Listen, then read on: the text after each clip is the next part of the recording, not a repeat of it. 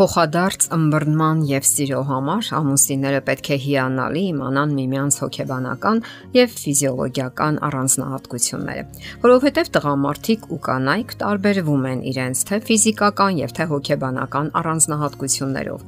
Ամուսնությունների մեջ հաճախ է անտեսվում այս փաստը, ինչը եւ բերում է աններդաշնակ հարաբերությունների եւ լարվածության։ Հայկական իրականության մեջ գաղտնիք չէ, որ տղամարդիկ հաճախ են ճնշում կնոջը, իսկ երբեմն էլ լիակատար հնազանդություն են պահանջում նրանից։ Սակայն լավագույն տարբերակը մնում է փոխադարձ ըմբռնողությունը։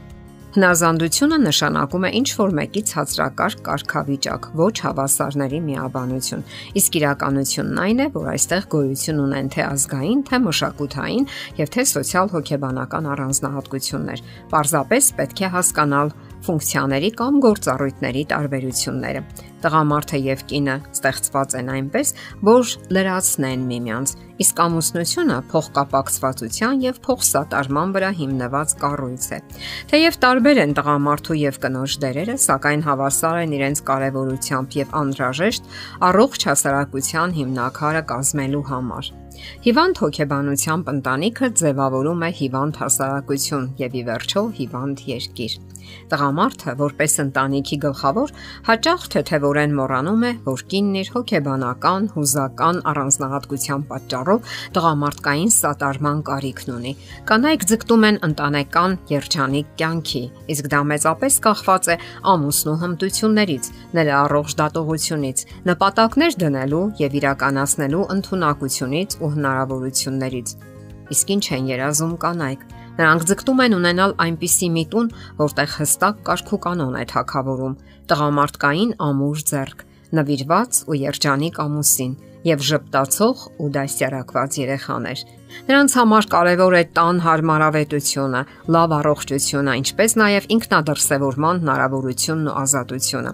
Մեր իրականության մեջ շատ կանայք այդպես էլ չեն կարողանում դրսևորել իրենց մտավոր հոգեբանական հմտությունների ողջ ներուժը, իսկ դրա համար անհրաժեշտ է ամուսնու ակտիվ սատարումը, շահագրգռվածությունը, ըմբռնողությունը, իմաստությունը եւ ինչու՞ չէ նաև առաջնորդությունը։ Կինը նույնպես պետք է իրեն դրսևորի իր լավագույն որակները թե տանը, թե աշխատավայրում։ Իսկ երբ դրանք ճնշվում են, նա սկսում է պատասխանել նույն դրամով, իրեն ամայի ու միայնակ է զգում։ Ընտանեկան ակտիվ կենսագործունեության համար անհրաժեշտ է հաշվի առնել կնոջ ցանկությունները, կամքը եւ ինքնադրսևորման պահանջը։ Եվ ահա, երբ ճնշվում են կանանց պահանջները, նրանք հուզական լարվածության մեջ են հայտնվում, ունենում են մշտական գլխացավեր, անքնություն եւ այլն։ Հոգատար ամուսնու հուզական սատարումը խիստ անհրաժեշտ է կնոջը պաշտպանվածության զգացում ունենալու համար։ Պետք չէ ոչ ավելորտ պահանջկոտություն ու խստություն ցուցաբերել կնոջ հանդեպ եւ ոչ էլ կատարել նրա յուրաքանչյուր ցանկությունը, եթե ոչ կմահաճույքը։ Հարկավոր է վարվել արդարացի, լինել բարյացակամ, ընդունել նրա իրավունքները ցանկացած իրավիճակում Փոխսատարման վրա հիմնված հարաբերությունները ենթադրում են հարգանքի, արդարացիության եւ բարության ամենօրյա դրսեւորում։ Տղամարդը պետք է հասկանա, որ կնոջ հոգում խաղաղություն եւ հանգստություն է թակավորում միայն այն դեպքում, երբ նա տղամարդու մեջ տեսնում է ընտանիքի գլխավորին եւ հենարանին։ Աստվածաշնչում կարդում ենք այսպիսի միտք, որը վերաբերում է կնոջը դեպի քո մարդը լինի քո փափագը։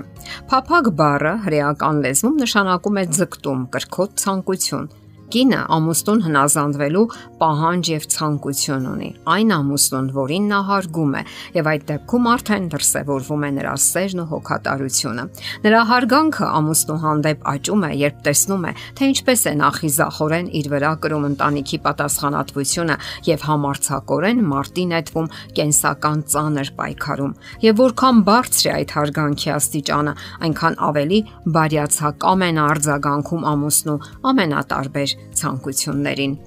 Կանանց զգալի մասը անկախ ավանդական կամ առաջադիմական հայացքներից հակված է ենթարկվելու տղամարդու այրական ուժեղ բնույթին։ Միաժամանակ տղամարդը պետք է նրբանակատ լինի կնոջ պահանջմունքների հանդեպ եւ ընդունակ դեպի իրեն տրամադրելու կնոջը։ Շատ քիչ տղամարդիկ գիտեն ինչպես կարելի է իրականացնել նրբանակատ ղեկավարումը։ Եթե ամուսինը անկեղծորեն ցանկանում է երջանկացնել կնոջը, պետք է յուրացնի ղեկավարման մի շարք սկզբունքներ։ Ընդ որում անհրաժեշտ է ճշտել, որ ղեկավարումը եւ բռնակալությունը միանգամայն տարբեր բաներ են։ Բռնակալությունը ճնշում է անձնական ազատությունը, իսկ ղեկավարումը չի խոչընդոտում մտքի եւ գործողության ազատությունը։ Բռնակալությունը թույլ չի տալիս գնալ փողզիչումների, իսկ հմուտ ղեկավարումը ենթադրում է փոխըմբռնում։ Բռնակալությունը ընդունակ չէ նահանջել, զիջել, իսկ ղեկավարումը նաև հարմարվելու, զիջելու, ընդունելու ընդունակությունն է։ Բռնակալությունը ճնշում է ցանկացած նախաձեռնություն դիմացինի կողմից, իսկ ղեկավարումը խրախուսում է ոգեշնչում, օգնում է գնալու դեպի ընդհանուր նպատակը։ Ուրեմն,